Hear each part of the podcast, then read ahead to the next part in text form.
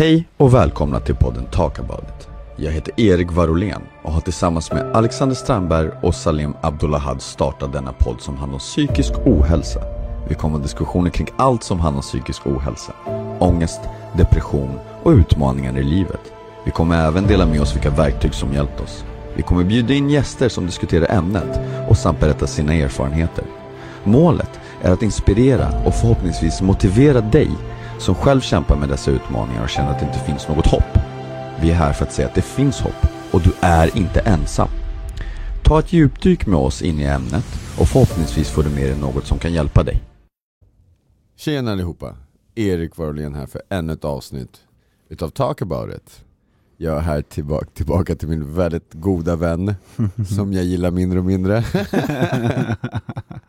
Salim, välkommen. Hej, tack snälla. Hur mår du? Tack. Det är bra, jag är bombad i magen. Ja, våra, våra matäventyr är på riktigt. Idag är det för tidigt, alltså vi drog igång lite för tidigt med Gotte. Erik sa när jag kom, han bara idag, idag ska jag faktiskt, faktiskt tänka på att äta bra. Så han bara, så vi tar till bröd och salt så ska jag äta gröt. Jag åt gröt. ja, och jag också. Men vad hände nej, sen? Nej, du åt vet du, yoghurt. Yoghurt, Ja, exakt. ja. Men vad hände sen? Jo, sen hände pannkakor. Sen hände pannkakor, sen hände en... En, en, en grej som är väldigt haram. och sen lite mandelbullar med bacon på pannkakorna. Ja, bacon och maple butter och sen Ja. så ba, jag bad och bönade att inte behöva äta bullen men han tvingade mig med gott folk. Ja, jag han tvingade. tvingade mig. Och nu sitter han här och har ätit ha- halva och det finns En en, halva fjärdedel halva. kvar. Ja, Ja. exakt. Exakt. Jag försöker vara stark. Men det här kan vara en grej där vi kan tala om lite snabbt. Eh, vi skojar ju väldigt mycket nu, men bara så att ni förstår. Ni ser liksom, jag snackar så otroligt mycket om disciplin, vi snackar så otroligt mycket om disciplin och hur Mm. viktigt det är.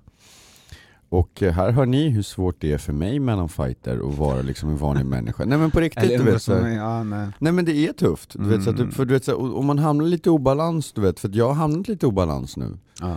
För det känns nästan som jag måste ta igen något som jag egentligen inte ska ta igen. Eller hur? Ja, förstår du vad jag menar? Det igen blir weird. Ja. Och sen så är den här känslan också typ, för jag, det, det blir så här typ, vad är normalt för mig nu? För det, det här känns onormalt, men det var ju massa människor som satt där och åt det vi åt också. Mm. Och det var ju egentligen deras vanliga frukost. Ja, det är det som är det normala tänkte jag säga. Ja men det är det, så typ såhär, okej, så, typ, så typ det som ger mig ångest verkar vara de flesta människors normala idag. Ja. Och det är någonting man måste förstå också och acceptera liksom och sånt, så därför är det väldigt viktigt att liksom det är därför vi snackar så mycket om kontroll liksom, och disciplin Balans och sånt också. och balans, Ja. för det, det handlar om det också, liksom, Mm. att förstå Mm. hur saker ser ut utanför en själv. Ja, faktiskt. Och det gör det kanske enklare att inte döma ut sig själv lika mycket heller. Vi, är, vi, kan ju, vi har ju tendens att vara lite för hårda mot oss själva. Ja men exakt, och jag har varit stenhård och därför, det, så här, jag skojar mycket om det här med att jag ska äta rätt, men det har börjat ge mig jättemycket ångest. Och det är så här, jag, varför ska jag ha ångest för att jag äter typ det de flesta äter dagligen Mm. under en vecka? Det är ju jätte, Ja. inte Mm. okej. Mitt, alltså Ja, att, att mitt huvud ska vara så. Ja. Förstår du? Ja. Och det är väldigt viktigt att jag är medveten om det. För hur bra saker än går och vi håller på och snackar och fightkarriären, dittan och dattan, du vet, så Mm. typ, du vet, om några år, det här kan vara någonting som jag bär med mig och så är det en tyngd som jag aldrig förstått och så Nej. är det en barriär som bryts ner fel. Ja, alltså speciellt om vi tänker sen när du lägger handskarna på hyllan. Mm. Alltså, om det här beteendet sitter kvar, då blir det väldigt svårt att Men hantera det- det, efteråt. Men många atleter blir ju jättestora efter. Ja, precis, precis. Kolla, Ja. Brolin, Ronaldo, brasilianska Ronaldo, bro. Maradona. Ja, alltså det, ja, det är nog många. Det är många som inte har lärt sig kanske hålla den disciplinen som bara tappar det. Så. Jag, jag vet ju själv, alltså, från när jag slutade boxningen. Jag gick ju upp många kilon. Alltså, jag boxades i 75, jag låg på 96 Mm. kilo ganska länge så, Mm. innan jag tog tag i hälsan igen. Jag tror, jag tror att när, när man bryter disciplinen, när man har så hård disciplin som atleter har som vi har, och man bryter den, det, man, det blir en addictive behavior tror jag, på av att Mm. Per automatik, du har, Ja, du har så mm, starka mm. inramningar att, Ja. att draget till någonting nytt för att de där inramningarna ska vara kvar Mm. är jättestark i en psyke. Och har man inte koll Mm. på det så blir det destruktivt på en gång. Men det, det är ju det vi pratade om förra avsnittet, det här med att man går all in för varje grej. Ja. Så går man lite all in för... För mig det blir så här alltså eh, jag, jag tror det här många känner igen det här att ant, antingen man kör all in med mat och träning Tappar man lite träningen så bara skiter man i maten och tänker skitsamma, jag tränar ändå inte nu, jag kan äta det här. Ja. Och så blir det toxic behavior typ så. Ja, för så Eh, fort man bryter ner, när disciplinen stängs av och man inte behöver den längre, jag tror de strukturerna i hjärnan, Mm. eller det psykologiska som gör att man är så otroligt disciplinerad, kräver Mm. den här liksom konstanta. Och då blir det istället en addictive toxic behavior. Ja, Det är intressant att tänka på. faktiskt. Ja. Men det är faktiskt inte det det här avsnittet ska handla om. Du tog orden ur min mun, det var det jag skulle säga precis. Perfekt. Great minds think alike, fast han är Mm. jävligt jobbig. Nej jag skojar, jag skojar. Jag älskar dig. Jag älskar dig Salim. Tack detsamma. Men eh, så vi ska gå in i lite ett allvarligare ämne. Mm. Jag har lett avsnittet hittills, så du kan väl ta över lite? Mm. Ja alltså vi diskuterade lite, vi satt på fiket när vi kä- käkade massa gott och så, så tänkte vi vad ska vi ta för ämne idag? Och vi brukar ju inte sitta och planera, utan vi träffas, sen vi bara kommer på, eh, så här, ganska oplanerat bara så här, bara, ah, vi tar det här ämnet och sen Ja. bara kör vi, så det känns så naturligt och eh, Ja, vi har ett grundämne som vi Mm. baserar våra tankar på, det kommer vi överens, det planerar vi. ja, ja. Men sen så kör vi väldigt mycket fritt, för att mm. jag, jag tror att du håller med mig om det här, liksom. det här är så, liksom, så här känslomässigt format, att ju Ja. mer vi skulle strukturera det vi delar med oss, ju mindre på riktigt det blir till slut. Faktiskt. Och eh, jag, jag, vi satt på fiket och så, jag visste inte jag skulle ställa frågan till Erik så jag bara Även om det är allvarligt och så, jag bara sa jag bara eh, eh, Erik har du någonsin blivit sexuellt utnyttjad? Skulle jag, jag skulle ställa den frågan, men det satt folk och så, så jag, tydlig, jag hade mat i munnen så jag typ, jag bara har du blivit sexuellt utnyttjad? Nej, gre- grejen var så här. Ja. Så det roliga var, han skulle fråga mig superseriöst, Mm. och bara så här, men det vart så konstigt för han var bland folk, han vill inte säga det högt du vet Mm. och sånt där och, Mm. och han var kanske lite rädd för min reaktion, så istället för att titta med ögonen som han skulle vanligtvis och bara fråga mig en fråga Mm. Då har han lite mat i munnen, tittar åt sidan och samtidigt så här bara mumlar bara "Eh, har någonsin blivit sexuellt utnyttjad? Jag kunde inte låta bli att börja garva, Ja. för du vet så här, Jag tänkte, ja. jag har inga problem att ta det här, men jag Mm. förstår att det gjorde det obekvämt, men det blev så otroligt påtagligt att hur obekvämt det blev. Men du log bara, så jag tänkte vad skrattar du åt? Jag fattar inte hur jag, hur jag hade ställt frågan Ja Och exakt. sen garvade vi ganska ordentligt så. Men det är jävligt kul att vi kan skratta åt det idag. Det är jätteviktigt. Alltså så. Men eh, vi har ju, det, ja, som ni förstår så är det ju faktiskt eh, att så här, sexuellt utnyttjande, det det som kommer vara temat lite. Eh, Inte lite. ja, alltså Ja, det vi kommer temat. prata lite om, temat idag. Eh, och jag tror också det där är jätte, jätteviktigt att tala om. Eh, för om jag utgår från mig eh, så var det verkligen Alltså vi har bara lagt locket på, alltså, jag har verkligen bara lagt locket på och det är inte förrän alltså, några månader sedan jag ens har pratat om det här lite mer öppet så. Och jag kunde faktiskt till och med ta upp det på min föreläsning. Jag, jag såg det faktiskt, att du, du, Mm. du, du skrev det någon story va? Att du tog upp det, gjorde du inte det? Mm, det kanske jag gjorde. Jag tror du gjorde Jag det, för jag, jag för mig att jag såg det. Jag kan ha fel då, men jag tror det. Jag blev själv osäker men, men eh, jag försöker ju dela med mig allt så jag vet inte, det kan ha hänt eh, så. Men jag delade med mig om det och eh, det kändes, du vet alltså idag Vissa kan ju bli, känna sig sårade, vissa kan ju bli känsliga när de pratar om vissa känsliga saker som det här ämnet exempelvis. Jag är mer såhär när jag pratar om de här känsliga sakerna, jag känner mer en, en kraft åt det goda hållet. Så det känns som att jag, jag för med, det för med sig något gott liksom. Så. För att man förstår att man inte är ensam om det så. Eh, Ja men det är likadant jag känner. Du vet, jag har faktiskt jobbat på det här länge. Det har jag. Det har du, ja. Ja, sen, sen jag var ganska ung faktiskt. För du vet, jag, du vet, när det hände mig, det hände mig tre gånger. Och det var äldre män. Mm. Eh, två gånger var det vänner till, eh, till så här unga komp eller vad säger jag vänner? Det var eh, storebröder till vänner. Mm. Mm. I Frankrike var det en gång, eh, och Mm. två gånger i Brasilien. Och eh, den värsta gången för mig, den läskigaste gången, det var när min morsa och min styvfarsa hade haft en fest hemma och du vet, jag, la, jag la mig ganska tidigt. Mm. Mm. Och så vaknade jag med att en man eh, höll på att dra ner mina kallingar och försökte liksom, ja, göra sina grejer med mig. Usch.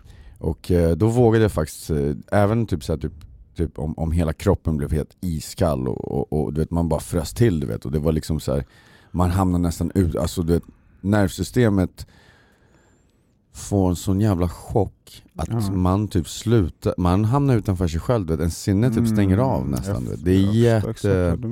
Men jag, jag, jag, jag tog faktiskt styrkan och jag sprang faktiskt ut till mina föräldrar och bara "Ah, typ, jag måste bara säga en sak och så gick och la mig hos dem och jag sa faktiskt ingenting då. Du vet. Man, Mm, liksom, man blir så jävla chockad du vet.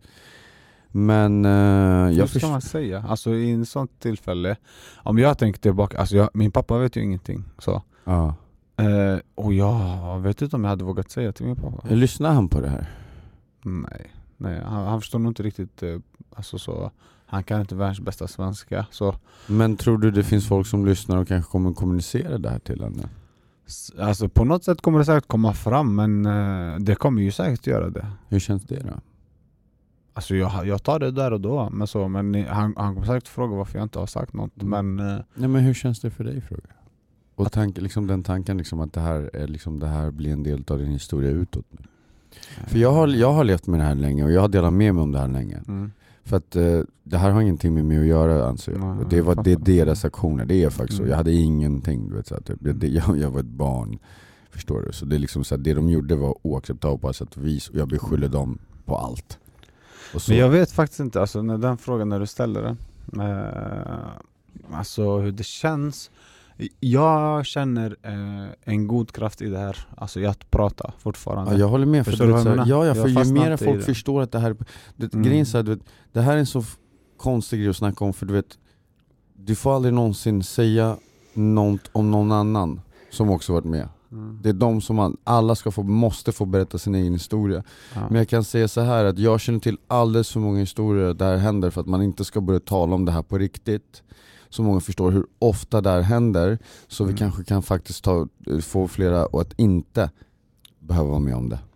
Men, men det, du, du sa en grej till mig en gång. Eh, jag tänkte säga när du var i Borås, det var du ju inte. Du var ju i mina hörlurar när jag var i Borås och promenerade ute. Mm. Då sa du till mig, eh, det där, det har inte med mig att göra. Det Mm. hände mot mig, det är inte jag som har gjort det. Mm. Och så sa du bara, jag kan inte ändra något som någon annan har gjort mot mig, men jag kan ändra vem jag är och hur jag känner, hur jag tar det. Mm, exakt. Och det var jävligt, jävligt bra sagt alltså. Tack. Eh, och jag, jag tog med mig det verkligen. Och jag är sån, jag, jag släpper, jag accepterar, jag går vidare. Men när du sa på det sättet så förstod jag, ja, ah, alltså jag, jag kan inte ta ansvar för någon annans beteende. Och så, så här, och låser jag fast mig själv i det som har hänt så är det egentligen bara jag som förlorar. Ja. Alltså det är bara jag som skadas. Det är bara jag som skadas. Och det Exakt. är ändå fucked up sjuka grejer som händer. Vi kan inte stå till ansvar till att vi var barn och det hände mot oss med vuxna människor när vi inte ens förstår vad som är rätt och fel. Exakt. Vi vet inte ens vad det innebär. Som du sa det här att man frös till. Jag känner igen det så tydligt för att jag blir så här. Alltså så här, chocktillstånd och jag kan inte ens reagera. Förstår nej, du vad jag menar? nej, nej, man kan inte. Man kan alltså, inte, nej, det är därför jag säger att ja, jag Mm. lyckades springa därifrån, men det är inte givet. Nej. Det är inte Nej. givet. Men lyckades, du, du sa att du lyckades springa därifrån den gången men eh, Hände det någonting med, någon, de andra gångerna? Har du lyckats också? Så grejen är nej, utan de andra Mm. gångerna, men så här, de andra gångerna så, så skulle de egentligen lyckas ta sig igenom och göra. Mm. Men problemet var, jag var ju ett litet, litet barn. Ja, Det, finns inte plats. nej nej. Så att, eh, ja men utan att vara för grafisk och du vet så här, det blir svårt för, för folk att höra men Mm. jag minns smärtan om Mm. varför det inte fungerade, förstår du? Ja, ja, ja. Gud. Typ så. Ja fy fan. Jag får lite ont i hjärtat alltså så. Det är alltså starka grejer. Alltså det är hemskt du vet. Ja, alltså, ja men det är, därför, det, är därför inte jag, det är därför jag är väldigt försiktig hur jag uttrycker Mm, jag mig nu fattar. För att det är, så här, det är Mm. många som kommer få väldigt ont i hjärtat Men det är sanningen du vet, och, och, Mm. och sanningen är här du vet så att, och, och jag säger det här så att folk förstår vad det här faktiskt Mm. innebär För du vet, det här är män som gör det här Mm. Och de gör det på grund av att en sexuell Mm. tanke Ett djuriskt, Ja. ett, deras djuriska del, och du vet, de gör ingenting för att jobba på det Nej. Och det är inte bara män såklart, det finns ju också Ja, ja absolut, ju. men det är Men ju det- majoriteten oftast, män. ja, Ja, som det är ju som vi har hört, alltså, Ja exakt, hört. Ja, men det är samma här, Ja. och absolut det händer, Mm. det finns andra Mm. också, det kan vi inte säga men Nej. det är ju predominant män och, och det är det du vet, så, därför är jag, väldigt, jag vill vara tydlig också om att anledningen till varför de inte kunde avsluta och liksom göra hela grejen, det var att det gjorde så pass ont i mig att de blev tvungna att lägga av, för de blev ju rädda för att jag fick ju så pass ont. Mm. Mm. Förstår du? Och förstår tänk du vad det ändå- faktiskt innebär? Ja, jag tänkte precis säga, alltså just att för ens... Alltså, ja. Ja. Att ens ha den förståelsen till att eh, tycka okej nu kanske det är gränsfall, liksom att man stannar där. Så, Alltså, ja men för, det, nej, men för, för, För för, du har redan gått den vägen. Ja fast så. fortsättningen är ju faktiskt någonting helt annat, fortsättning, det blir ju då alltså, typ, det är ju allvar, då är det ju alltså, det är ju dö- dödliga konsekvenser. Ja, ja. Det är Mm. förblödningar, sånt Mm. händer också. Det, det är inte, liksom, man kan inte skymma sig undan från det också. Mm. Och, du vet, och sanningen här, förstår du också hur jävla komplext det blir? För nu är det två män som sitter och snackar om det här. Ja. När man tar in kvinnor, Mm. och hur, du vet, så här, de här unga kvinnorna många gånger känner sig Mm. liksom att det är deras fel. Du vet det här jag, Ja, det här jag säger så mm. enkelt, det här Ja. vi säger så enkelt Mm. som män bara, det, Mm. det har ingenting med oss att göra för vi var Mm. barn. Mm. Förstår du de här unga tjejerna som Ja. faktiskt tror att det är deras fel? Att 100% Eftersom de kommer ha en sexualitet i framtiden Mm. så har de nu på något sätt sett, gjort så att det här hände. Det Det blir så- drabbat, alltså sexuella livet blir drabbat, alltså, om jag utgår från mig, alltså Ja. jag kan ju inte säga hur tjejer har reagerat och känner, men jag vet hur jag har reagerat, hur jag Ja. har varit så. Och det har blivit dysfunktionell syn på sex, liksom så. På det sättet för mig. Eh, alltså okej, jag ska gå tillbaka, för det här är, det är ganska sjukt hur det har varit för mig. Men eh, i det här, alltså för mig hände det, det var min morbror eh, som antastade både mig och min bror och det var så här, ja. Det var ganska hemskt och så. Eh, fan jag trodde inte jag skulle bli tagen och så känslig när jag pratade om det för jag har ändå pratat med, om det så öppet men du vet, nu, ja, vi gick in lite djupt på det. Det är okej bro. Eh, Det är okej, du vet, så här, lyssna, det, det, Mm. det, är ju, det här är på riktigt. Det, Det är det, det. det, är därför vi gör det här. Du vet, så här, typ, ju, ju ärligare vi är och, du vet, och Mm. folk får höra liksom, hur på riktigt det här är, du vet, det är ju, alltså, du vet, tro mig, jag också, alltså, Mm. igen, alltså, så här, jag menar fullaste allvar, det betyder ingenting för mig. Men samtidigt, vet, så här, typ, det är en jävla grej. Det känns som att jag nästan förminskade lite för att det inte ska ta för stor plats. Ja, men jag tror nog jag gjorde det länge, men sen så tillät jag den platsen. Men jag känner det bror, för jag kände, Mm, Du, mm. du sa lite nu. Det var, väl ganska, det var lite jobbigt sådär Ja. liksom. Och jag tänkte faktiskt på det, jag, jag höll på att stoppa det och bara bro, det var nog väldigt mycket mer än lite. Ja, det och det- och det är okej, påtagligt. Salim. Ja. Det är okej, Mm, jag menar det var mm, din morbror. mm. Ja, det är Hur sjukt. får det, det, hur får det att känna när du tänker så? När jag säger så, Mm. vad tänker du då? Din morbror antastade dig. Det är, det är svårt att, att säga vad man tänker och så. Alltså, jag, det kan ju bli också för mig ett sätt nu, alltså ändå när jag inte har mamma i livet, så att det blir att jag chasar bort hela hennes familj ännu mer kanske. Omedvetet att det blir så här. För att jag ska komma till det så ska jag bara berätta vad som hände. Absolut, jättegärna. Eh, och då, då hände det ett par gånger när vi var i Libanon då, när min mamma valde att stanna kvar där och skickade tillbaka oss till Sverige då, till mig och min bror, då, då hon lämnade oss och så. Så det var den sista vevan när vi var där på semester. Mm, ni som har hört innan, jag har hört li- lite om min historia så, när vi var där på semester i alla fall. Och så mamma bestämde att hon inte ville vara kvar uh, med pappa och hon ville lämna oss helt. Eh, men under den tiden, under sex månaders period, så var det var då min morbror eh, tog tillfälle i akt då. Både mig och min bror sådär. Och vi var, vad var vi, sex och fyra, sju och fem någonting sånt. Och det sjuka i det här du vet, jag som alltid har Förlåt, växt upp, du är yngre eller äldre? jag är äldre. Äldre, äldre. okej. Ja, två år äldre. Det sjuka i det här att eh, jag som inte kände att jag fick det bekräftelse under min uppväxt så av mina föräldrar. Så jag sökte ju alltid bekräftelsebehovet. Och det som gör det ännu mer dysfunktionellt är att jag kommer ihåg en känsla av att jag kände mig behövd när det skedde. Och det är det som är väldigt, väldigt sjukt att jag tror jag fick bekräftelse i det där på ett sätt så att jag nästan trodde att det var okej för att okej, jag kände mig värd någonting. Kan du förstå det vad jag menar när jag säger så? Jag vet inte om du kanske Alltså, hänger med jag, på jag, jag hör vad du säger, Mm. och, jag, och, och alltså 100% Mm. men alltså Det var inte samma känsla för Nej, dig? det var inte samma känsla men alltså wow, det, fattar du när en annan människa gör så mot ett barn liksom? Ah. Att, att, att Mm.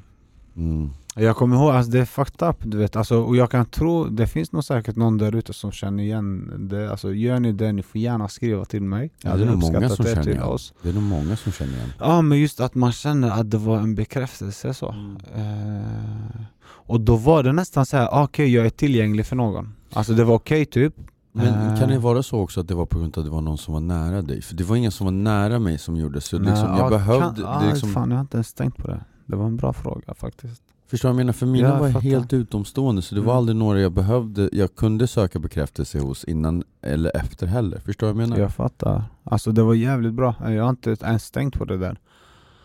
Ja, det kanske var det. Kanske. Men i alla fall, det hände. Och sen när det hände, alltså Jag vet inte vilken gång av de gångerna det var sådär men Jag kommer ihåg bara ett tillfälle, det var så sjukt alltså. Just alltså När man ser de här som är väldigt, alltså mycket kraftiga känslor och, och så då, då oftast kommer man ihåg de tillfällena ganska länge. Eh, Och det var Det var som att du vet, jag och min bror stod på, du vet, på, tu, alltså på kö liksom och väntade. För att som min bror var först sådär och sen när min bror kom tillbaka så, så här, eller jag, såg, jag stod där och såg på liksom. Eh. Fuck me alltså mm. Ja, bra. Mm. Alltså, eh, jag stod där och, stod och kollade på liksom och jag, jag ja. mm, och sen när min bror kom eh, är färdig typ så här, men de, eller, de är färdig, eller han är färdig med min bror så säger jag bara typ Gjorde det ont? För jag visste att det var jag som Mm. var på tur typ så mm. Ja. Ja det är nog obearbetat eh, nu när vi väl går in på djupet så Men ehm, jag, vet, jag tänker bara nu så här, shit alltså jag, jag ska vara storebror och Och så var man där och bara typ kollade på men ja, ja, fast det är inte Ja. så det fungerar. nej, Salim, ja, Salim lyssna. Om det är ja. någonting du aldrig någonsin får göra, och det är det vi talade om, och det är jätteviktigt, det är att ta på dig ansvar om det här. Mm, 100 procent Eller? Ja, ja men är du det- en det bra. supermänniska? Nej Lyssna. När min Mm. mamma slog mig som mest, mm. när jag mådde som sämst, vilka tror du mådde, fick, fick känna av det? Mina småsyskon. Mer än någon annan i hela världen. Mm. Du vet, jag måste stå för det faktumet att på grund av att min mamma förstörde mig som ett barn så slog jag mina egna småsyskon. För att det var det, det var så man lärde upp, det var så man gjorde. Jag känner igen det Ja, du förstår vad jag menar? Mm. Och det är, så, här, så, typ, så det är väldigt viktigt att i det här tillfället nu, när du tar det här steget, nu, när ni börjar det här steget i det här att hela, att förstå och acceptera det som har hänt dig nu. mm. Det är nummer ett. Mm. Att du inte tar på dig något jävla fucking dumt ansvar som typ Mhm. jag borde ha varit storebror och varit- varit en superhjälte. Nej. Vi Det- snackade precis om att hur mycket kraft det tog för mig att bara ställa mig upp från min säng och gå till mina föräldrars säng när det var en man som inte jag kände som försökte utnyttja mig sexuellt. Mm. Som låg där med sin grej ute Wow. och försökte liksom, förstår jag menar? Mm. Och det tog allt, och det kände du igen. Och nu Ja. helt plötsligt så ska du kunna ha stått emot det och hjälpt din lillebror. Fattar du? Ja. Nej, Det är sjukt det ja. kan du inte. Det kan jag inte. Det det är bara, jag vet inte, det kom nog Det överrumplade mig, alltså det var nog inte lika bearbetat som jag trodde det var så eh, När man väl gick in på detalj, det, det var lite tufft så Men förstår du vad underbart att för oss att få, för folk att höra det här? För det, är det, här det, det, är faktiskt så här det fungerar. Mm. Vi mår bra, tillräckligt bra för att våga snacka om det här. Men kolla, Mm. kolla när vi faktiskt talar om det, kolla vad det tar på dig. Mm. Det är inga lätta grejer, du vet. Så det, nu får ni höra, nu får ni, nu får ni vara med om hur jävla inte lätt det här är. Mm. Men hur på riktigt det här är. Du, det är så bra du säger det Erik, för jag du vet, vi, I början av avsnittet vi var ändå så glada, skrattade, vi tänkte det här ska vi prata om, du vet, sprida hoppet så. Men det visar ju bara eh, också hur på riktigt det är som du säger. Alltså eh, Jag var ganska... Någonstans, du vet, även om det är, här, det är på riktigt så, så mm, det är nog svårt att fatta att, att någon kan utsätta liksom barn, du vet. Alltså det är så svårt för mig att begripa. Samtidigt jag tänker så här, hade jag begripit det så hade jag, ja, Jag kanske hade varit likadan. Alltså man kan ju inte begripa något som inte man själv förstår sig på. Liksom. Ja. Alltså, fattar du vad jag menar? Jag förstår exakt hur du här, menar. Ja, nej, nej absolut. Jag har hellre att det är ett kon- abstrakt koncept som inte jag förstår Mm. varför man skulle ge sig på barn, än att jag faktiskt förstår. Ja. Jag är med dig, alltså, jag Ja. förstår exakt hur du Mm. menar. Du vet när du sa det här med när du blir, alltså, alltså när du fick stryk av mamma, hur det, när det gick över på dina syskon, alltså jag känner igen det så tydligt. För allt det där skedde ju samma för oss, alltså när jag och när min pappa gifte om sig och, hade fruar som hade liksom barn som var yngre, då blev det exakt samma grej. Alltså så. Alltså, man, alltså det blev övergrepp fast fysiskt, alltså med slag liksom. Och då blev det samma sak och jag var likadan alltså.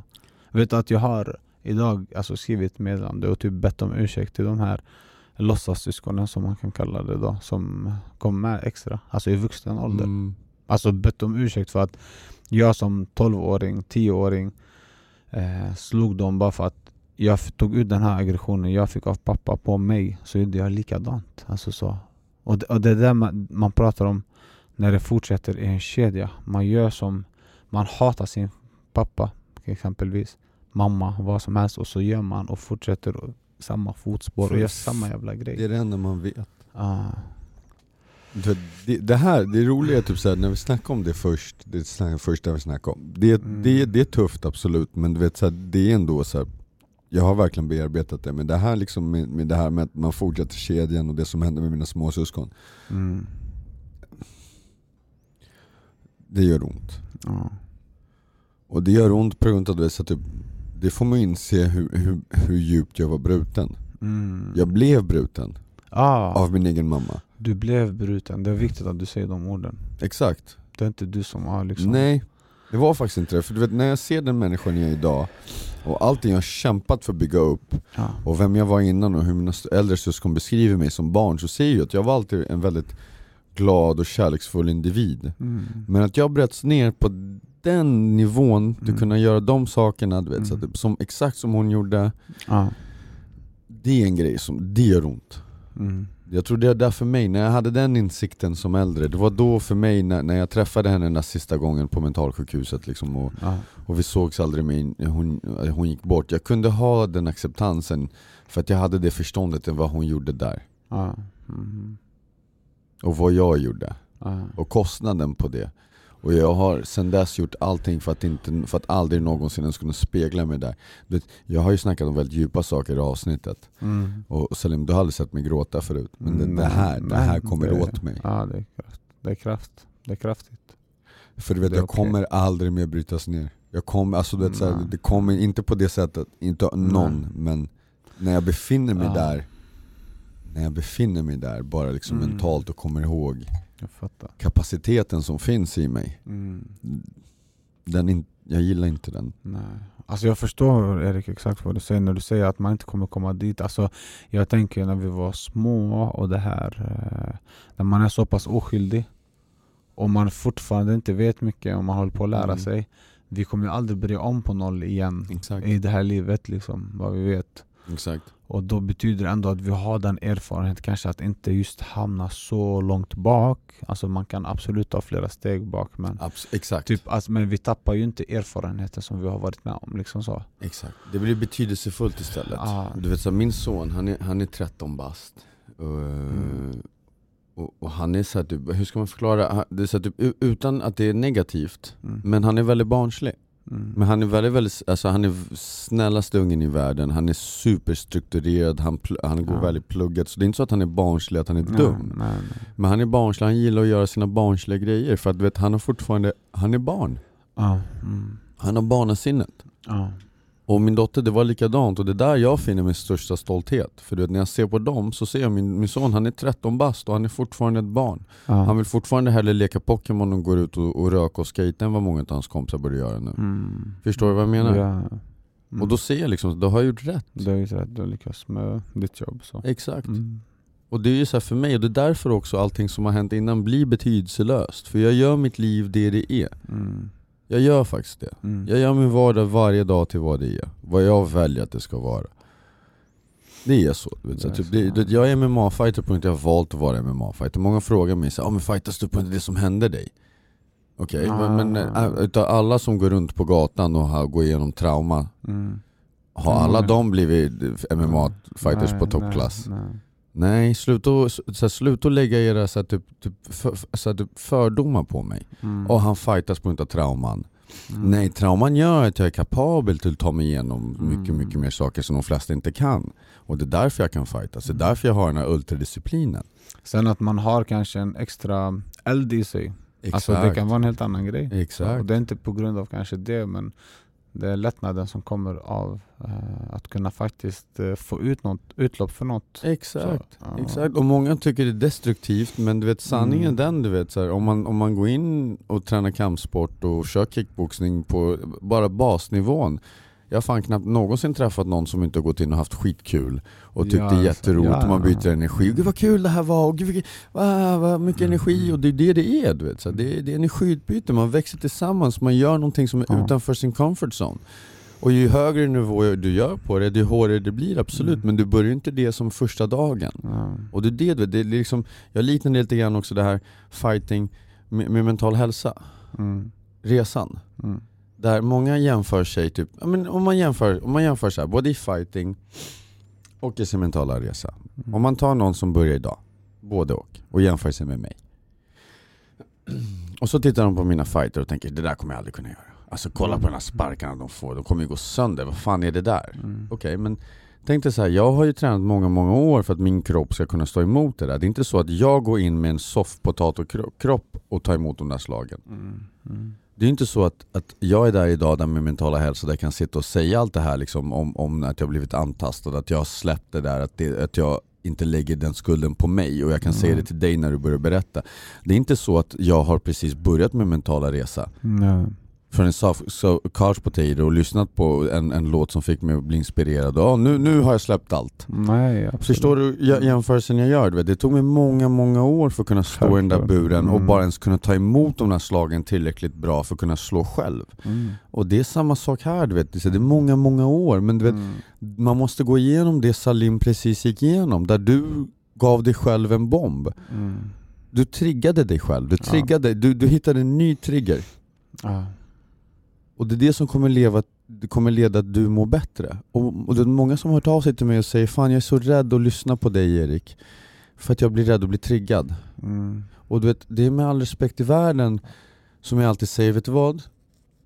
Det är ditt val, du måste gå din egen väg. Men samtidigt, vet, du kan inte gå framåt om du inte utsätter dig. Nej. Men det är det att man väljer kanske hellre att backa undan än att faktiskt möta det. Det är det också som blir en slags också en flykt i, i på tal om det, alltså jag, jag måste bara säga, alltså när, nu häromdagen så vi ville ha lite frågor så var det en som frågade Vi säger inte namn och så såklart men som sa så här att eh, Hur gör jag om jag mår dåligt men inte vill må bättre?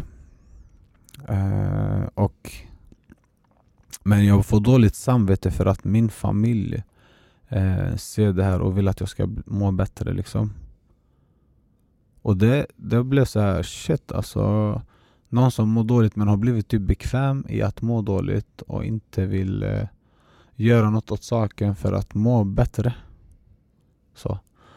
Och då tänker jag bara alltså, att man kan fastna till och med i det. För jag tänker så här när jag går tillbaka och tänker bara att när man hamnar där och mår så dåligt att man trivs i det så här. Uh, Alltså det, det måste vara jävligt, jävligt tufft. Alltså antingen att man har vant sig vid det eller är det enklare bara att skita att ta ansvaret och bara liksom stanna kvar i det måendet som inte hjälper oss. För jag tänker så här, om jag går tillbaka och tänker på när jag och min bror där blev utsatta eh, och när jag började, vi, alltså jag beskyllde oss själva typ. Jag beskyllde mig själv. Och det värsta i det här att jag pratar inte ens med, med min bror. Jag och min bror har inte ens pratat om det ända tills idag. Liksom. Vi har inte sagt någonting till varandra. Eh, på tal om lägga lock bara så. Wow. Men Vilken grej. vi blev ju påkomna en gång. Så.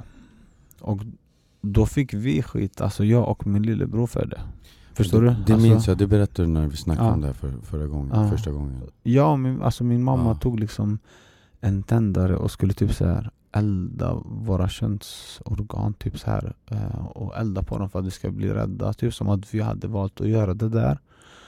Och så du vet, jag tänker bara så här, en sån grej det är klart som fan man beskyller sig själv. Man tror när man, när man är barn att det är mitt fel. Mm. Alltså förstår du? Att vi, Mm. man skuldbelägger sig själv.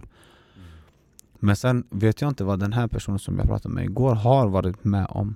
Men tänk om jag skulle också bara må bra i att må dåligt och inte vilja göra något åt saken. Alltså det, det, led, det, det leder ju bara till en mörk väg. Alltså det, det kommer ju... Det kan ju sluta illa liksom så. Om, Alltså, om inte man typ, tar ansvaret för det. jag, jag, jag känner några personer som är sådär och man ska alltid vara försiktig och aldrig liksom så här, Mm. typ eh, säga namn eller liksom visa sån, liksom så här, på något sätt.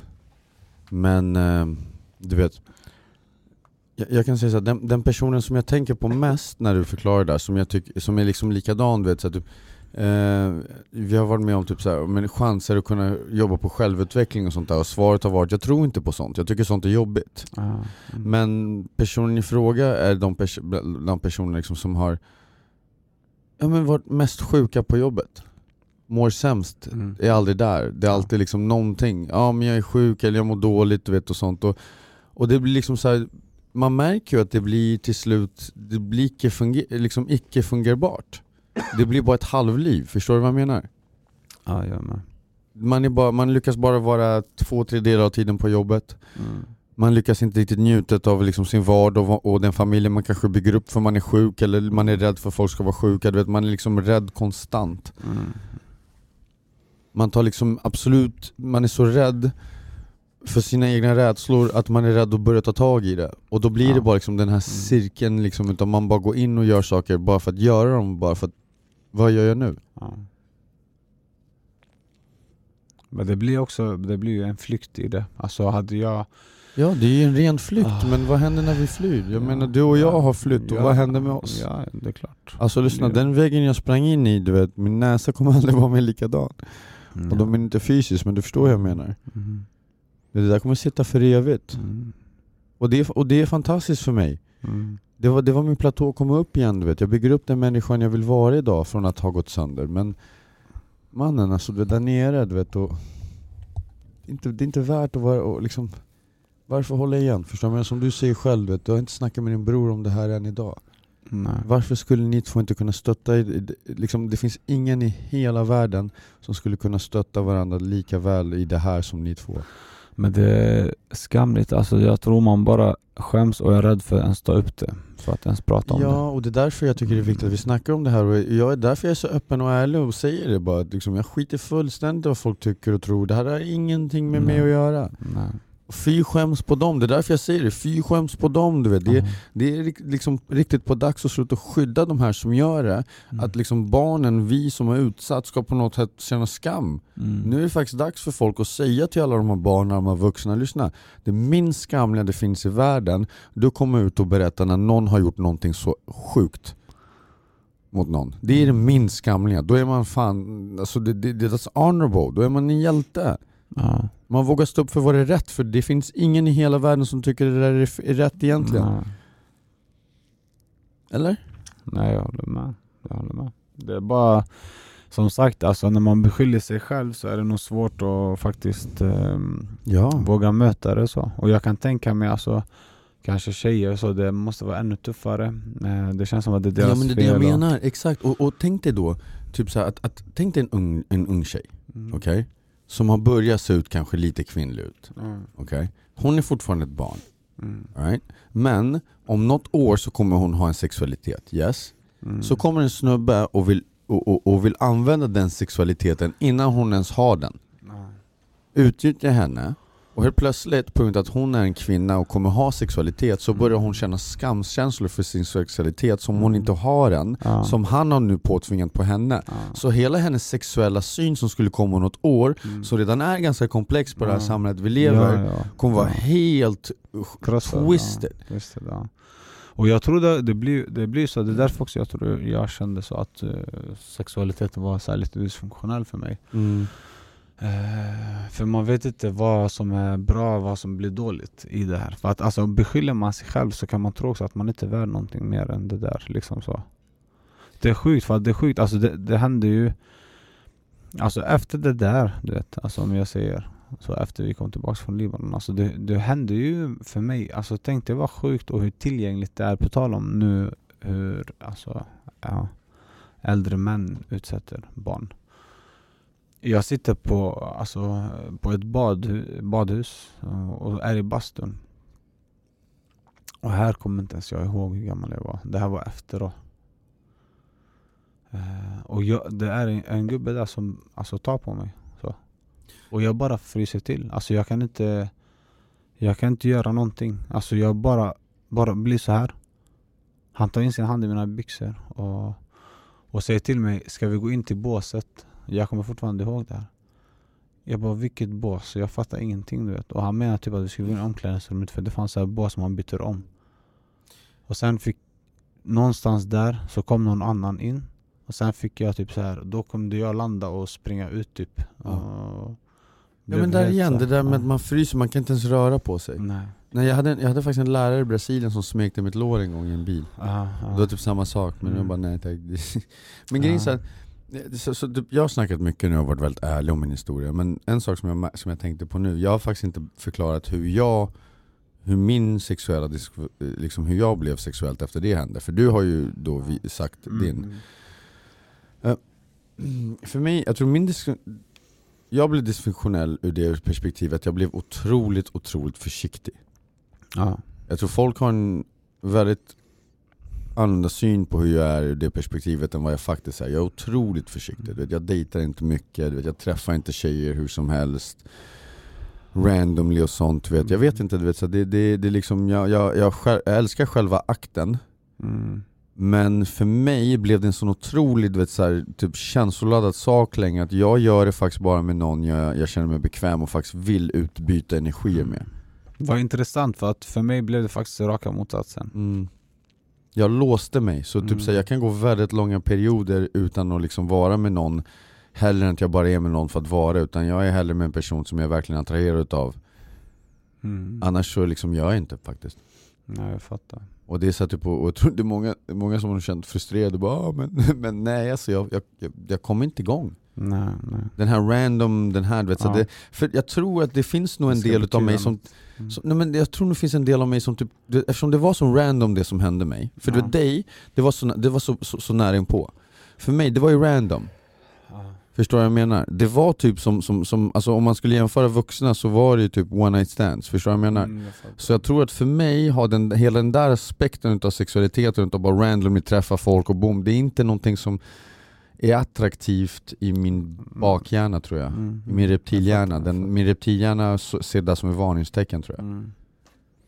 Vet du att det är så sjukt, eh, om jag tänker på idag, alltså idag hur, jag ska säga hur i, alltså inbearbetat det här är Alltså samma reaktion och känslor mm, Vi satt, alltså jag tror det var det här året Eller ganska eh, sent förra året Jag kommer inte ihåg när det hände mm, Och då sitter jag på ett fik med mina vänner, mina kusiner.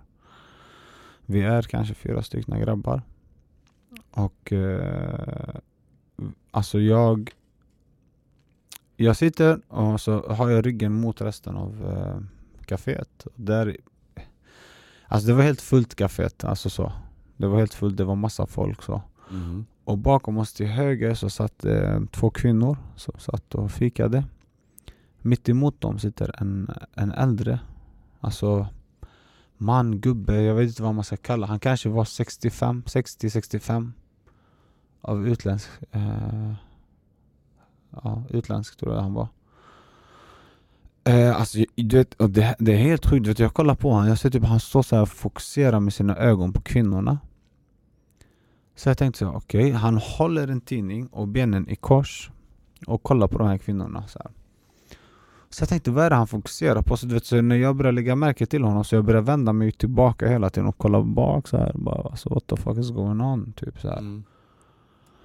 Och Erik, jag vänder mig och kollar ner. När jag ser tidningen, under tidningen, ser jag att han har framme sin snopp med en kondom och sitter och drar i, i den. Alltså, och han, alltså mitt i kaféet. Och jag snackar nu, jag är vuxen, jag är 34 år gammal. Mm. Vad tror du hände mig där? Jag bara frös till Jag vände mig om, jag kollade på mina kusiner, jag bara Han är framme! Han är framme! Jag fick typ panik, han har framme sin kuk så här. Sen de bara va? Sen jag, du vet, jag bara frös till Ja. och, det, och vet du vad jag tänker? Jag bara vi sticker härifrån Och så ställer vi oss upp och går, alltså sticker därifrån Och sen när jag kommer ut Jag kommer på mig själv, jag bara alltså vad gör jag? Jag bara han sitter kvar Ja. Så jag bara går in och hämtar personalen och går ut för att jag kan inte vara där inne Ah. Jag blev så skraj Shit. Jag bara alltså ey, han där sitter och onanerar där, där inne alltså, han onanerar under tidningen Och sen helt plötsligt, man bara såg han packa ner sin tidning, han förstod att någonting pågick Och sen han bara gick ut och ingen kunde stoppa han, ingen kunde göra någonting Han låtsas som ingenting. Ja, men vet du att jag lyckades ta en bild på hans ansikte? Jag gick till polisstationen De bara Nej, vi kan inte göra någonting Alltså såklart, de bara Ja. Eh, jag gick dit till slut för att jag kände så här, bara jag måste göra någonting, vad ska jag göra? Ja. Jag bara, men kan ni åtminstone ta den här jävla bilden? För jag Ja. försökte övertyga dem, bara, ah, det var typ som att, alltså jag kände mig som en åsna som gick dit ens så, Förstår du vad jag menar? Ja och det är sjukt att de ska få det känna så, för det är ju faktiskt en riktig grej vet, jag folk- kände mig så. Ja nej men alltså för du vet, grejen är typ, många är typ så ah men så typ, okej det är hemskt men okej han drog ut Men det är så här, samtidigt, fattar du vad, vilket, eh, vad, vad är den människan kapabel till mellan fyra Ja, dörrar? Det är det ja. vi snackar om, så här, mellan fyra väggar med, med liksom, Man vet inte det är det Eller hur? Alltså han gör det så här öppet Och, och jag, du vet, jag bara snälla kan ni i alla fall ta bilden Ja. om någon skulle Någon mer skulle reagera eller säga någonting så Ja. att vi kan göra något Exakt, så saken, ni liksom. li- liksom känner igen det Jag ville lägga ut bilden Ja. på Facebook och sprida den man ska ta försiktigt med sånt också, Ja. för det kan ju slå tillbaka på dig tyvärr Det kan det, men jag vågade typ inte men Nej. jag vet inte ja. Jag men- kände såhär, jag måste, jag ville göra något, jag ville typ Jag blev såhär, jag måste rädda någon Ja. Alltså jag vet inte, du fattar du? Alltså det är Ja. ändå, det är fucked up det, Det där är alltså. fucked up. Min dotter, hon berättar ju det, det är väldigt vanligt med att typ, så här, när hon sitter med sina väninnor ute, du vet, Mm. för hon går i gymnasiet nu, och eh, du vet, så här, typ, äldre män har ingen problem att sätta sig precis bredvid dem och, så och smålyssna och, och små säga hej. Nej, ja, Hon är liksom 16 bast. ja. Var på häromdagen var det en gubbe som satte sig bredvid oss och bör- och började snacka med oss. Liksom. Man bara, liksom, vad fan håller ni på med? Liksom? Mm. Förstår du vad jag menar? Det är Jag såg- gränslöst alltså Ja, och det är det jag menar, därför måste vi snacka om det här, det här animalistiska liksom, för det känns som att de beskyddas mer än offren. Förstår du vad jag menar? Mm, ja. Jag såg häromdagen, inte häromdagen, det här var faktiskt Det här var faktiskt typ två år sedan. ja. Lite skillnad det här va? Vad kom häromdagen? ja, häromdagen. Vi hamnade i en resa, det är därför Exakt. Men så åkte jag upp för, för Fridhemspans tunnelbana och, och det, är så här, det är en, li, en ganska liten eh, rulltrappa som kommer från blåa linjen. Okej Och när jag kommer där så står en, en gubbe i hörnet, så jag tittar du vet, och då står han så här i hörnet, tänk dig när du åker upp för rulltrappan, och står Mm. han typ så här mot en vägg i hörnet så mm. och har kuken ute. Oj Och, då, och jag tittar bak, och det är samma sak där, det tar en sekund innan jag faktiskt smälter det som händer. Mm. Men jag fattar det som händer när jag ser en mamma åka upp med sitt barn precis bakom och hon sätter handen framför hans ansikte. Oj. Då flippar jag på honom. mm. Och han bara "Ah, nej förlåt det var inte meningen, jag bara vadå det inte var meningen, vad fan håller du på med? Alltså sjukt Förstår du vad jag menar? Och det är så här, typ, typ, liksom, vad fan, och du vet så här, typ det, det är den här grejen alltså, det är som Salim sa du vet, så typ, kolla, lyssna, Salim är en gammal boxare, han var med i Elitstyrkans hemligheter och du vet på grund av dina känslor, på grund av det som du har arbetat med så kunde du inte reagera. Även i vuxen ålder så Ja, fick du panik. ah. Så ni där hemma, du vet, det förväntas inte att ni ska vara superhjältar. Förstår du vad jag menar? Det, det, är det, det är det jag försöker förklara, du vet. ta bort det. Mm. Förstår ni att han idag kan inte reagera ordentligt? Nej, Så hur fan skulle han kunna göra det som barn? eller? Det är därför jag går tillbaka till det, så ta var bort sagt. Ja men alltså ta bort den här känslan av skuldbelägga er själva. Och, och ni kvinnor där ute som har, som, som har varit med om det här För vi talar väldigt mycket om män och sånt, jag, jag, kan inte sätta mig in i era, i era skor även om jag varit med om, om, om, om liknande saker. Men det, är samma sak där du vet, det, det är som så här, det, det de gjorde mot er var en påtvingad sexualitet. Eran Mm. kvinnliga sexualitet skulle komma senare Mm. det finns ingenting i er som gjorde det där, fast liksom så här, ni är kvinnor och det, för det där det är liksom det är påhittat, det där skulle ha kommit senare. Ja. Det är intvingat. Mm. Så det finns ingen skuld alls i oss Mm. överlevare utav det här.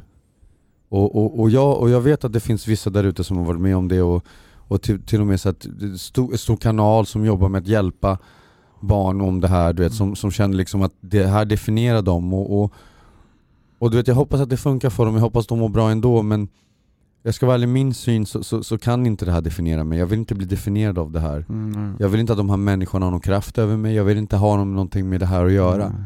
Och det är inte att jag tittar ifrån det, utan jag är väldigt ärlig om det. Tvärtom, Ja. jag berättar ju det. Men det, varför ska jag låta det här definiera mig? Mm. Och tänk bara, alltså, det, här, det här är någonting tungt och svårt som tar tid som Erik har sagt tidigare. Alltså, det är inget som bara händer.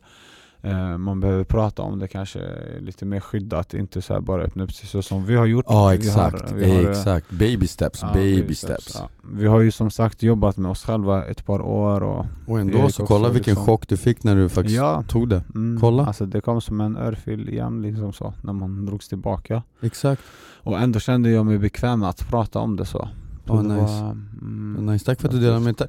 Ja, Alltså, vet, jag, jag måste säga att jag är otroligt tacksam för att vara med på den här resan med dig. Ja detsamma Erik. Jag tror det är det som är grejen också med vår vänskap. Fattar du vilken otroligt djup vänskap du och jag har? För det är, så, det är Ja. väldigt få människor som känner varandra på den här nivån. Och ändå alltså, har vi inte känt varandra länge. Exakt. Det, det är ju tack vare det här, alltså, det här blir som våra terapisamtal på Ja, men ett det, sätt. det är ju det.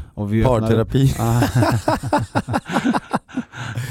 Parterapi med folk som lyssnar på oss. Exakt. Fast jag måste dock säga till alla där ute att han är en fantastisk människa, men shit vilken jävla gnällspik alltså. Han kallar mig gnällspik så fort jag säger att det blåser lite ute, så han är lite töntig. Men jag är är lite lite- töntig. Ja det är jag faktiskt, jag är faktiskt lite töntig. Men jag är okej med det, jag gillar att vara töntig. Det är bra, vi är lite töntiga ihop, det är kul. Ja! Det känns som att Vi är fett töntiga ihop. Ja, Ja, faktiskt. alltså vi det sitter känns och- okej. ja. Ja, vi sitter och garvar överallt där vi är, folk tycker vi är skitkonstiga. Det känns vi får uppleva den barndom som man kanske aldrig fick uppleva. Och jag tror det är också därför ibland man kan fastna lite i det, så här, när man träffar någon som är likadan.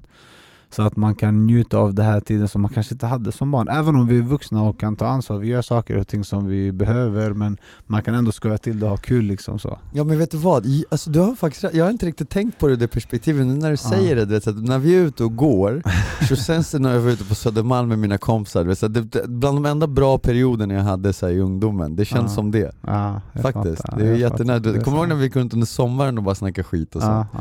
Det och, nice. och det är liksom den här enkelheten. enkelheten, enkelheten.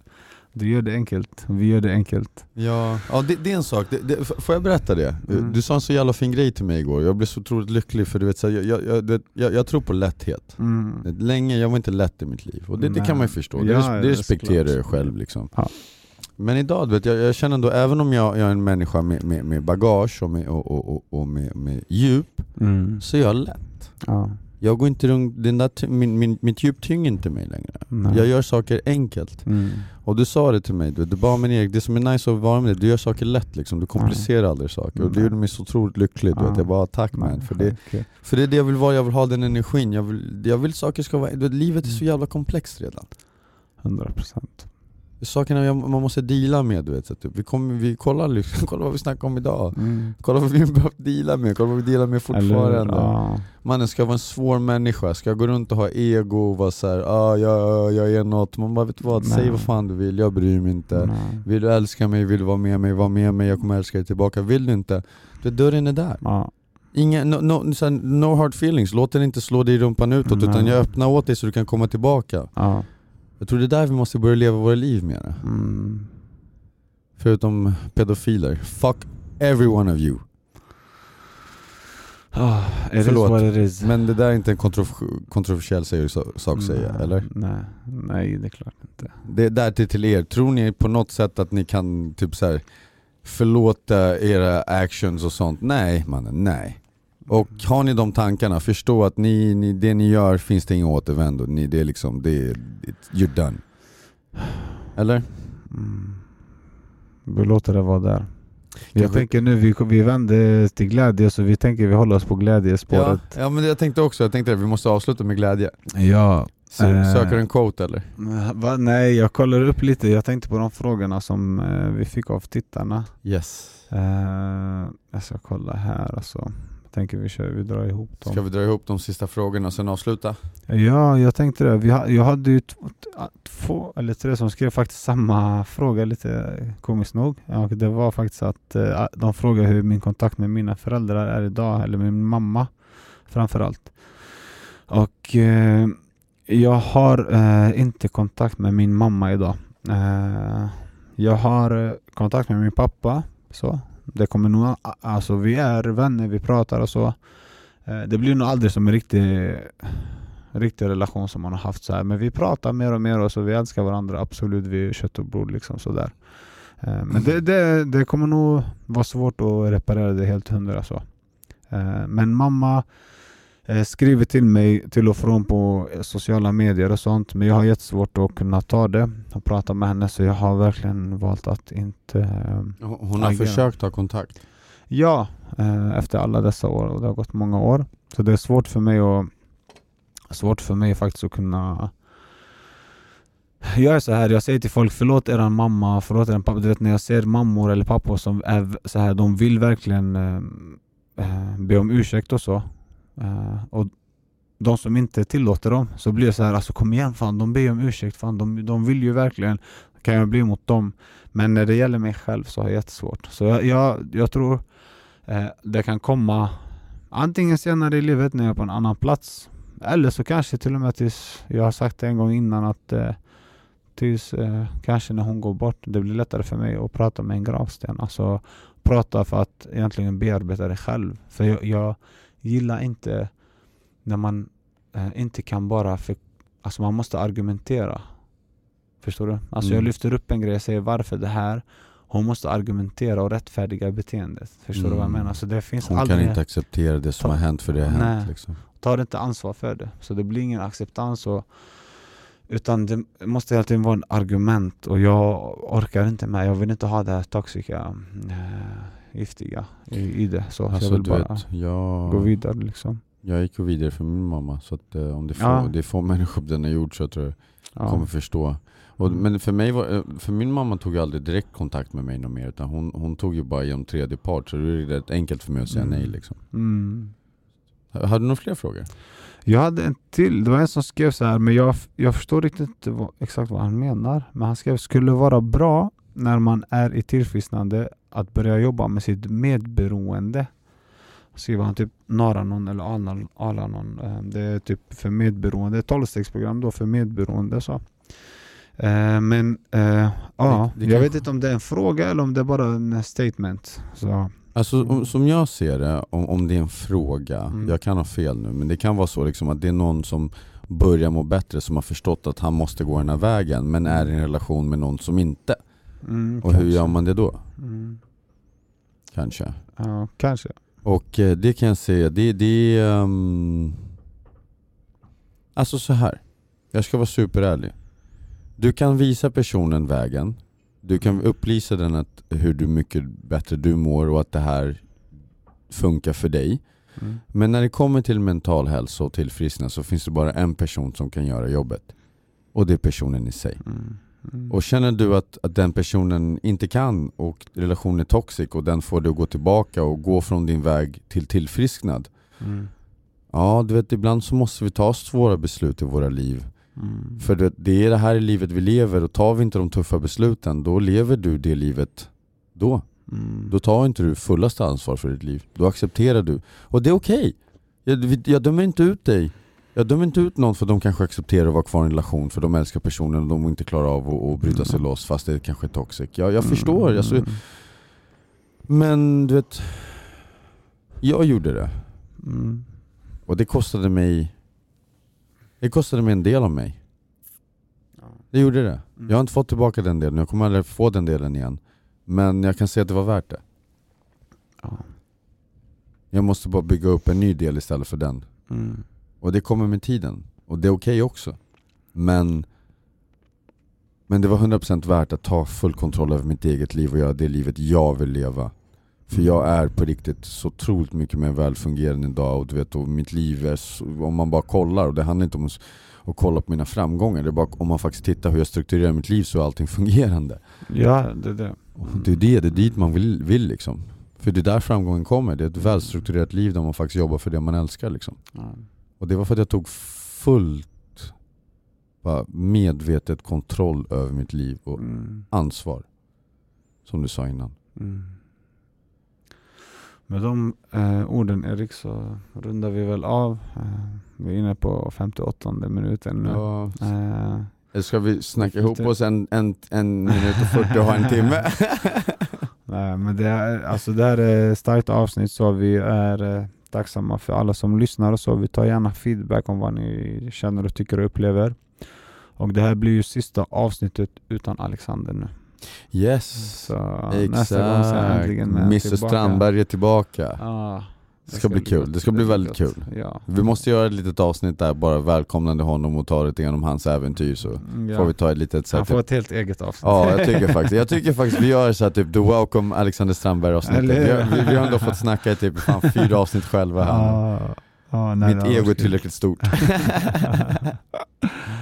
Men våra vänner, ni där ute, vi oerhört tacksamma ska ni veta. Eh, Både jag, Erik och eh, 100% Alexander också för 100%. allt ni skriver och hör av er och sånt. Eh, Fortsätt gärna med massa tips om teman och lite saker som ni vill prata om eller rekommendera någon gäst. Eh, Vi skulle haft gäst den här helgen men det blev Ja. inte av tyvärr. Så det får bli nästa gång. Jag tycker ändå, det, blev ändå positivt, vi behövde ha det här avsnittet. Det var ett jättebra avsnitt. 100%, Tack för att du kom på det faktiskt. Och eh, om jag bara får säga eh, en, en sista mening för mig så får du avsluta, dra ihop 100%. allting. Och det ni som hör just det här avsnittet nu, eh, eller egentligen alla avsnitt, kom ihåg att ni kan kontakta oss. Och det här är ett viktigt och svårt ämne. Så att känner ni liksom, känner er berörda och ni vet inte hur ni ska gå iväg och, och kontakta någon, har det här hänt er och ni har aldrig delat med er och ni är såhär fan jag vet inte vad jag ska göra, vet du vad? Vi finns här och vi Mm. kommer inte dela med vidare. Vi kommer inte säga någonting till någon, vi förstår Mm. att ibland så vet man inte hur man tar första steget och behöver ni ta första steget och dela med, vi finns på både, Vi pratar om det. Ja. både Instagram Mm. Talk About It Mm. och Erik Varolén och Salim Abdullahad. Mm. Och eh, som sagt, vill ni messa och öppna er, vi finns här. Som sagt, vi finns här, vi lyssnar och vi pratar. Vi bara, alltså som stöttning så. När det gäller annat, det är såklart professionell hjälp ni ska söka till. Så. Vi finns här om det är frågor kring det här som vi själva har varit med om som ni vill diskutera. Exakt. Vi är inga proffs eller utbildade Nej, så att ni inte Exakt, det är om ni... misstolkar det. Exakt, det, det är jättebra, tack Salim. Vad jag menar är Mm. exakt så att behöver ni ta ett första steg hur ni ska öppna er och konversera om det, då finns vi här. Mm, ja. Har ni djupare psykiska problem, då är det inte oss ni ska söka, nej. då är det läkare. Okej, det är snyggt, fint. Eh, Ja, vi är tacksamma återigen och nu har vi nått exakt den minuten som du ville att du skulle nå. Till och med över, så we got this! All right, men tack för idag. Underbart, tack ska ni ha. Ha det bäst mina vänner. Hej. Hej. Så typ, jag, jag älskar att vara bland de där ungdomarna och kunna liksom vara på riktigt positiv. Och, Ja. liksom, och kunna verkligen på riktigt bygga en bättre värld. För det, det är det vi gör. Om vi tar hand om våra ungdomar, om vi ser dem istället för bara nu vara på dem när allting har gått rent åt helvete och inte förstå hur fan kunde vi hamna här och ba, ba, ba. Vet du Mm. vad? Se de här ungdomarna. Hjälp dem, så att, ge dem strukturer. Alla, många av dem mår dåligt, de vill dö. Och om du vet själv hur det är, varför går du inte och bara räcker ut en hand till de här ungdomarna och ser Ja. dem istället för bara tala om för dem hur dåliga de är att de inte gör det på det sättet du vill. För det är det som händer, vårt samhälle gör ju alltid det där. Den här yngre generationen, de är helt förstörda. Fan vad tråkigt att höra Ja. det hela, hela tiden. Ja. Istället för att höra ej, det är, ni som är, det är ni som kommer se till att allting blir bra sen. Mm. Om jag ger dig allt, Ja. så vet att det kommer bli bra. ja, det är lättare att peka finger och skylla än att ta ansvar. Och vi gör det hela tiden, för att ett helt samhälle gör det mot våra ungdomar konstant. Mm. Idag, det enda de får hö- höra är hur allting kommer gå åt helvete för de är så jävla weird. Mm. 100% Jag vet jag la upp en grej på Instagram häromdagen eh, där jag sa Det handlar just att eh, att bedöma en annan människas fel och brister kommer inte göra oss till bättre människor. Exakt. Att, på, att påstå att, att Mm. världen kommer gå åt helvete för att de här inte gör sitt, är ju liksom, det är ju att se att vi inte gör vi, vårt så att de har Mm. verktygen för att kunna må bra. Exakt. Så det är därför, vi Mm. talar öppet om det här, var inte rädda. Ja. Självmord är hemskt, Mm. vi, och, men det enda sättet att kunna se till att det inte händer, att inte vi behöver ha den här smärtan att någon nära kära har tagit livet av sig och, Mm. och som vi sa i första avsnittet, åh du vet, så här, hur kunde det här hända? Han såg alltid så glad ut. Mm. Det är att våga tala och inte peka finger när någon talar utan acceptera att, liksom så här, att du vet, så här, typ, det är så, den här människan behöver inte ens dina svar. Nej. Många gånger den behöver bara få höra det, bli hörd. Mm. Mm. Du kan inte ens börja försöka förklara vad det är som händer. Nej. Jag hörde nu också faktiskt på jobbet, det var en, eh, kollega till mig som kom och sa att eh, hennes, eh, oh, jag kommer inte ihåg vad det var till henne exakt, men att eh, en morbror till något, någon kusinbarn, någonting sånt som Ja. hade hängt sig och sen nu hade en 21-årig pojke också eh, följt samma spår och gått och hängt sig så uppe i landet. Så.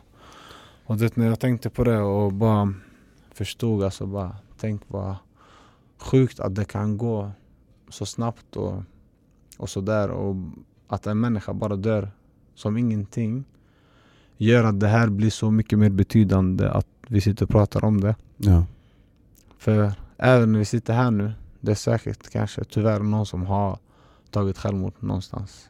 Ty- Inte, inte kanske utan 100%. Ja, 100%. Så det, det, du vet, och varje sekund som går här och vi får möjlighet att dela med oss, alltså det, Vet, när det här betyder avsnittet- mycket. När det här avsnittet släpps är det många personer som kommer att ha dött. Mm. Tyvärr. Som har valt att ta sitt eget liv. Mm. Men ju mer vi talar om det här, ju mer vi talar vidare och bara kämpar vidare. Du vet, vi, Mm. om de där få vi kan komma åt, så det blir färre än vad det Mm. var innan vi Mm. fanns. Mm. Det är väl det som gör det värt det antar jag. Det är det som är målet. Exakt Det är så. det som är målet. All right. Fint Erik, det, tack för ett underbart avsnitt och för väldigt eh, sårbara samtal. Tack själv, det var Eh, fantastiskt. känns- Tack för att du delade med dig. Jag Ja, hade ingen aning om den historien du skulle komma med så det var jätte, ja men tack. Det finns en mening till att vi sitter här också. Det blir, man får ut allting på ett annat sätt. Exakt. Större- Det är högre syfte som sagt, som jag sa innan. Det finns ett högre syfte. Då blir det enkelt att prata från hjärtat och ärligt. Och, och vi går igenom allting själva här. Det här blir Ja. vårt sätt att deala med det också. Det, liksom. det är ett terapeutiskt samtal. Exakt, exakt. Therapy. Therapy in front of the whole world. Faktiskt. God damn, those guys are weird. Ah, fan. Det är bäst för att ni inte dömer oss. Vi kan båda boxas nu. Ah, nu, nej då. Men tack snälla så mycket för att ni tog er tid Verkligen. att lyssna på oss. Och, Alltså och lyssna, all, alla kärleksfulla meddelanden, ni är så Mm. otroligt grymma och Mm. fina och du vet jag får så otroligt jag, jag får så otroligt fina meddelanden som tackar att jag delar med mig och sånt där Ja. liksom och, och vågar öppna mig men ni gör samma sak när ni messar mig så messa jättegärna jag, Mm, vet, och, och fråga och, och liksom, vi finns här. 100% Tack snälla alla. Tack själva. Ha det fantastiskt och ser på återseende till nästa avsnitt. Kram, love you all. Ciao.